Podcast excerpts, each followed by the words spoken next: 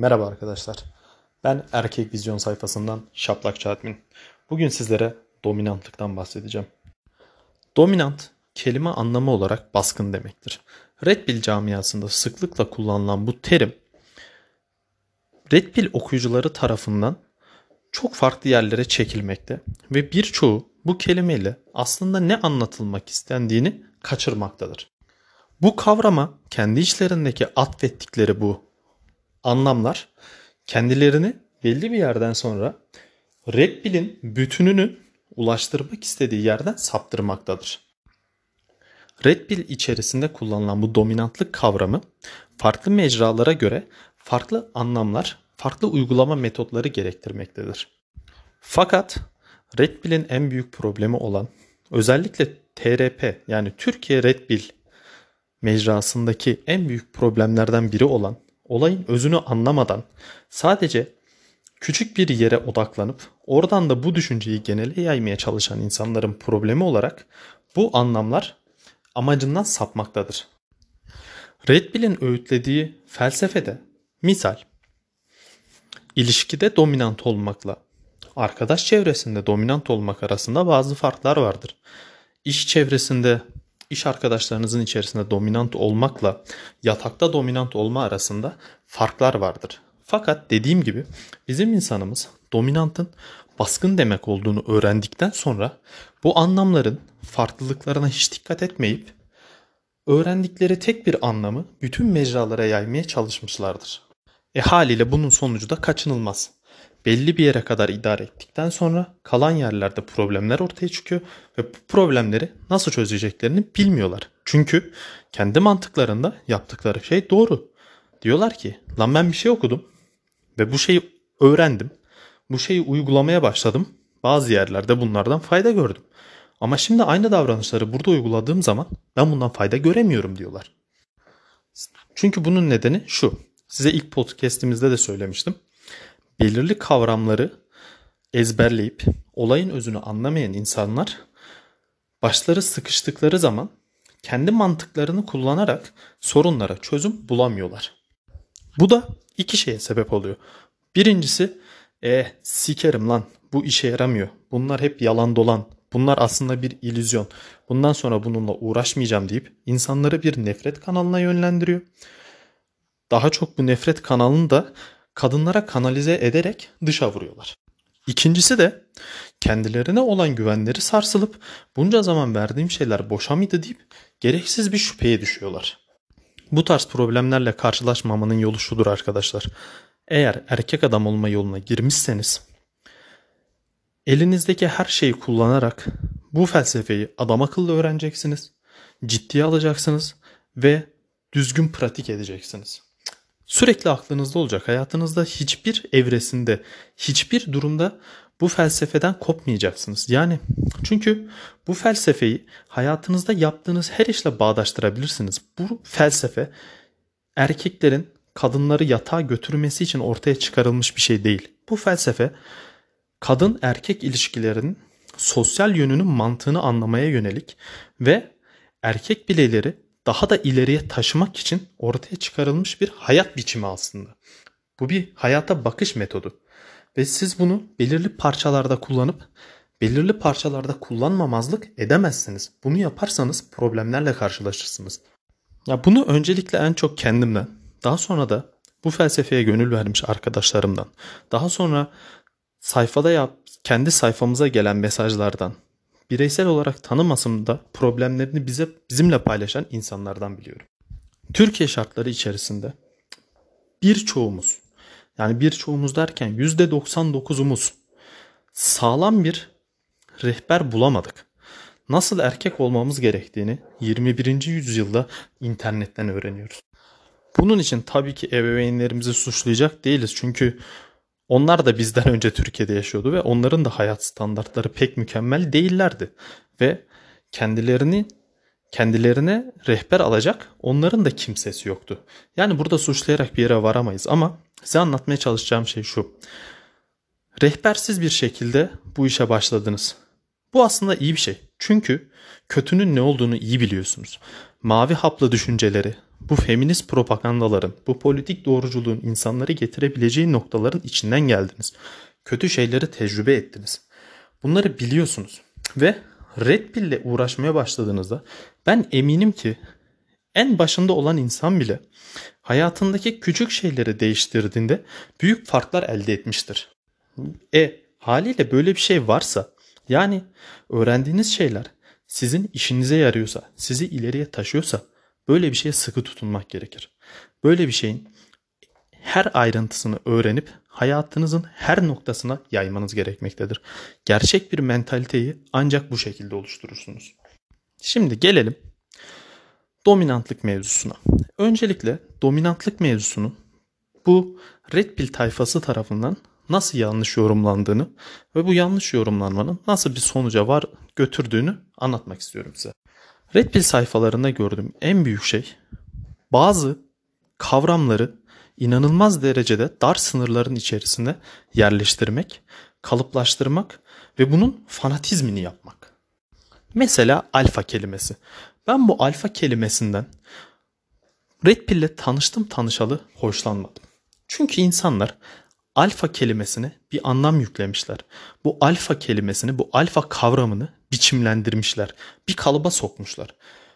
Ve bu kalıba öyle bir sempatizanlık duyuyorlar ki kendi kafalarındaki bu kalıptan farklı davranan insanları yanlış yapıyorsun diye kenara itiyorlar. Onları yaptığı hareketlerin doğru yanlarını hiçbir şekilde görmüyorlar.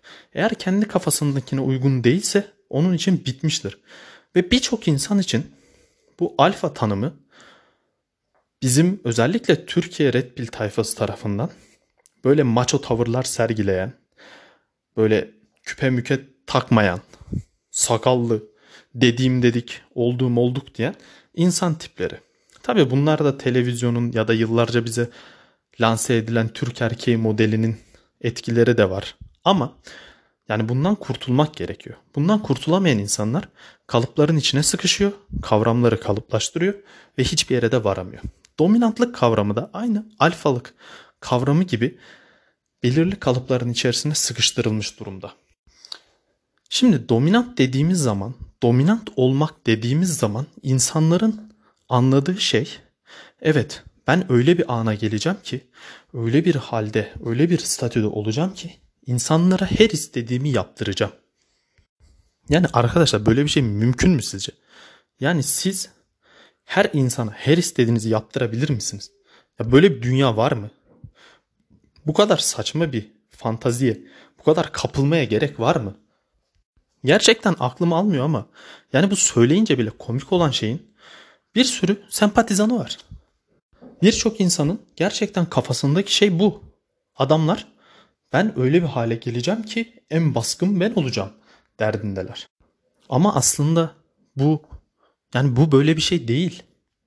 Burada anlatılmak istenen baskınlık insanların üstüne çıkıp insanları ezme gücüne elde etmek değil. Şimdi size dominantlığın nasıl kullanılacağını başka bir podcast'ta anlatacağım. Çünkü o daha çok çerçeve konusuyla alakalı. Şu anda bu podcast'te sadece dominant kavramıyla ilgili konuşacağım. Yani dominantlığı nasıl ilişkilerimizde kullanırız ve hayatımıza yediririz olayından farklı bir şeyler söyleyeceğim. Daha önceki hiyerarşi postunda da anlattığım gibi erkek adamın en önemli özelliklerinden birisi yaşadığı süreç boyunca kendisine bir kale inşa etmek ve bu kaleyi mümkün olduğunca sağlamlaştırmaktır. Dominant dediğimiz şey baskın olmaktır. Ama bu baskınlık demin bahsettiğim gibi üste çıkma anlamı taşımaz. Baskınlık sizin sağlamlığınızdır. Bu sağlamlık her ortam için geçerli olan bir şeydir. Mesela bunu hayvanlar aleminden ve canlıların yaşamından bir örnek vererek anlatmak istiyorum. Çünkü bizim bu konuştuğumuz konuların hepsi bütün canlı türlerinin sosyal sosyoloji bütünlüğünü inceleyerek ortaya çıkmış şeylerdir. Şimdi hepimizin bildiği bir kavram var. Güçlü olan hayatta kalır. Canlıların yaşam alanlarındaki grupları küçük popüler küçük sayılardan oluşurken bu kural çok baskın bir şekilde geçerliydi. Yani gerçekten belirli özelliklerde sivrilen bireyler bulundukları toplumu domine edebiliyorlardı. Yani bu demin dediğim insanların yanlış anlamasına vesile olacak cinsten. Yani mesela bir topluluğu düşünün. Bir küçük kabileyi düşünün. Fiziksel açıdan gerçekten çok güçlü bir birey. Onun karşısında kimse duramayacağı için hem toplumda statü olarak yukarı çıkıyordu hem bu statüsünün gücüyle hem de kendi fiziksel gücüyle kendisine karşı çıkan veya kendisine tehdit oluşturabilecek her şeyi sindirebiliyordu. Lakin zaman ilerledikçe bütün canlılar, insanlar içinde, bütün canlılar içinde şartlar değişmeye başladıkça, popülasyonlar artmaya başladıkça bu baskın olma kavramı üste çıkıp ben kralım demekten ziyade ben adapte olabiliyorum'a evrildi. En baskın olanlar bir noktada en fazla sivrilenler değil, mevcut şartlara en çok adapte olabilenler oldu. Çünkü her şey değişken. Yani bir insan fiziksel gücüne çok güveniyor olabilir ama basit bir sakatlıkla bu gücünden mahrum kalabilir ve tek bir şey üzerine kurduğu bu kale bir anda yıkılabilir. Ama bunun yanında birçok şekilde kendi kalesini sağlamlaştıran insan belki onun kadar toplumda sivrilmemişti ama bir yerden zarar görse bile başka bir yerden bu gördüğü zararı kapatabiliyordu. Ve bu adapte olma yeteneği gelişmiş kişiler asıl baskınlığı yaratan grup haline gelmeye başladı. Bu kişiler fazla sivrilmeye gerek duymadan doğru yatırımlar yapıp doğru şekilde çevreyi okuyarak kendi kalelerini güçlendirdiler ve her zaman bir sonraki nesle genlerine aktarabildiler. Bu şekilde gücün ve baskınlığın tanımı da değişmiş oldu. Yani günümüzü düşündüğümüzde de şu an tek bir yönle sivrilmek çok olası bir şey değil. Çünkü bugün o kadar fazla sayıdayız ki ve o kadar çok imkana, ulaşabilirlik kaynağına sahibiz ki bir konuda tek olmak, vazgeçilmez olmak veya bir özellikle toplumda kendi yerini muazzam bir şekilde koruyabilmek mümkün değil. Ya bunlar eskiden kaldı. Evet, seçilim için bunlar hala çok önemli şeyler. Ama artık tek parametre değil. Ben tabii ki şunu diyorum. Eğer elinizde bir özelliğiniz varsa bunu sivriltmek için elinizden gelen çabayı gösterin. Ama her şeyinizi buna bağlamayın. Çevrenizi iyi okuyun. En iyi adapte olabilenler en güçlülerdir. Artık dünyada güçlü olan ayakta kalır diye bir kavram yok. En iyi adapte olabilen hayatta kalır diye bir kavram var. İşte bu dominantlık mevzusunu bu şekilde irdelemek gerekiyor. Yani kabadayı olmak, en güçlü olacağım diye saçma bir hayale kapılmak yerine mevcut şartları en iyi değerlendiren olmak, fırsatlara en iyi şekilde uyum sağlayan olmak en karlı yol. Size dediğim gibi bu kavramı mantığını öğreneceksiniz ve bu kavramı belirli kalıplara sıkıştırmayacaksınız.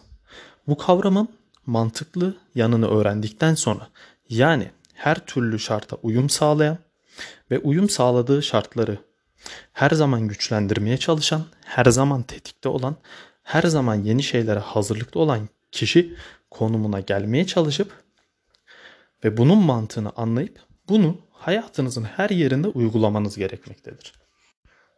Mesela okulda, okulda tek bir derste iyi olarak okulda başarı sağlayabilir misiniz? Hayır, bütün derslerinizin azami ölçüde iyi olması gerekmektedir. Tabii ki bazı dersleriniz diğerlerinden daha iyi olabilir ama diğer derslerinizi yani boş veremezsiniz. Onlarda da iyi olmak zorundasınız. Eğer bu kavramı oturtup gerçekten hayatınızdaki herhangi bir alanda uygulamaya başlarsanız her yerde dominantlığınız, baskınlığınız insanlar tarafından fark edilecektir. Yani sizin illa bir şeyleri insanların gözüne sokmanıza gerek yok. İlla ben buradayım, ben bireyim deme ihtiyacına girmenize gerek yok. Çünkü siz zaten yeterince doğru adımlar atan biriyseniz bu insanlar tarafından fark edilir. Bu yaptığınız hareketler sizin hayatınıza, yaşayışınıza, ilişkilerinize, hayatınıza ilgili her şeye zaten yansır. Yani siz hayattaki problemlere adapte olabilen bir insansanız bunu çevrenizde gören kişiler arkadaşlarınız olabilir, bir grubun üyesiyseniz o gruptaki diğer insanlar olabilir. Yani illa çok samimi olmanıza da gerek yok. Herhangi bir şekilde ilişkide olduğunuz insanlar sizin bu özelliğinizi fark ettikleri zaman bir daha bir problem olduğu zaman sesi en çok çıkana, ben en güçlüyüm diyene veya tek bir özelliğiyle en güçlüymüş gibi gözüken kişiye gitmek yerine size gelmeye başlarlar. Bakın bu muazzam bir baskınlık özelliğidir. İnsanlar problemleri çözmek için size güvenmeye başlar. Çünkü bilirler ki siz sağlam bir kale oluşturmuşsunuz.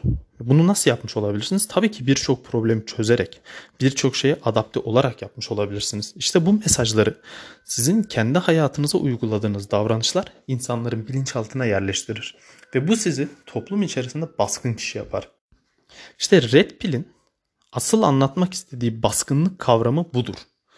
Özellikle sosyal ilişkiler içerisindeki baskınlık kavramı bu mantık üzerine kurulmuştur. Mesela bir örnek daha verelim. İş ortamında mısın? Abi o işi en iyi sen yapacaksın. En iyisi olmak için çalışacaksın. Problemler çıktığı zaman pes etmeyeceksin. Yeni problemlere çözüm yolları üreteceksin.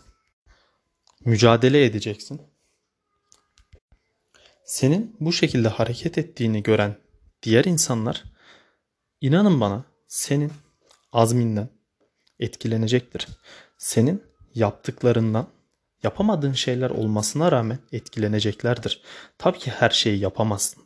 Her şeyi bir anda elde edemezsin. Ama buna akılcı ve mantıklı bir şekilde çaba gösterdiğini insanlara gösterebilirsen herkes buna saygı duyar. Herkes seni yavaş yavaş o alanda domine edecek kişi olduğunu görmeye başlar. Ve bunu bir şeyleri insanların kafasına zorla dikte ederek yapmazsın. Yaptığın hareketlerle insanların saygısını kazanarak yaparsın. Sadece baskın olmakla kalmayıp sosyal ilişkilerinde de statünü yükselterek yaparsın. Çünkü yani erkek adam kayıplar yaşayacaktır. Hatalar yapacaktır. Ama bunlardan minimum zarar görmeye çalışacaktır. Bunu da nasıl yapacak? En iyi şekilde adapte olarak yapacak. Tabi podcast'in en başında da dediğim gibi bu Red Pill'deki bir erkeğin ilerleyişi için kullanılan dominantlık teriminin asıl anlatmak istediğim mantıktı. Tabi şimdi ikili ilişkilerde bir kız arkadaşınızla olan ilişkideki dominantlık kavramını anlatırken orada bu kadar çok adaptif olma, sorun çözme becerileri gibi şeylerden bahsedilmiyor. Orada daha dar sınırlarda bir dominantlık kavramında bahsediyor. Ama ben buna bu podcast'te değinmek istemiyorum. Çünkü o kavramları açıklarken çerçevenin ne olduğunu bilmek gerekiyor. Çünkü birebir ikili ilişkilerimizde çerçeve yani dominantlığın şekil bulmuş hali olan çerçeveyi kullanmak gerekiyor. O yüzden karşı cinsten bir bireyle olan ilişkimizde nasıl dominant olmamız gerektiğini çerçevenin ne olduğunu anlattığım postumuzda konuşacağız. Zaten bu ikisi birbiriyle aşırı derecede iç içe olan kavramlar. Bir sonraki postumuzda çerçeve ve çerçevemizi nasıl kullanmamız gerektiğiyle ilgili olacak. Dinlediğiniz için teşekkürler arkadaşlar.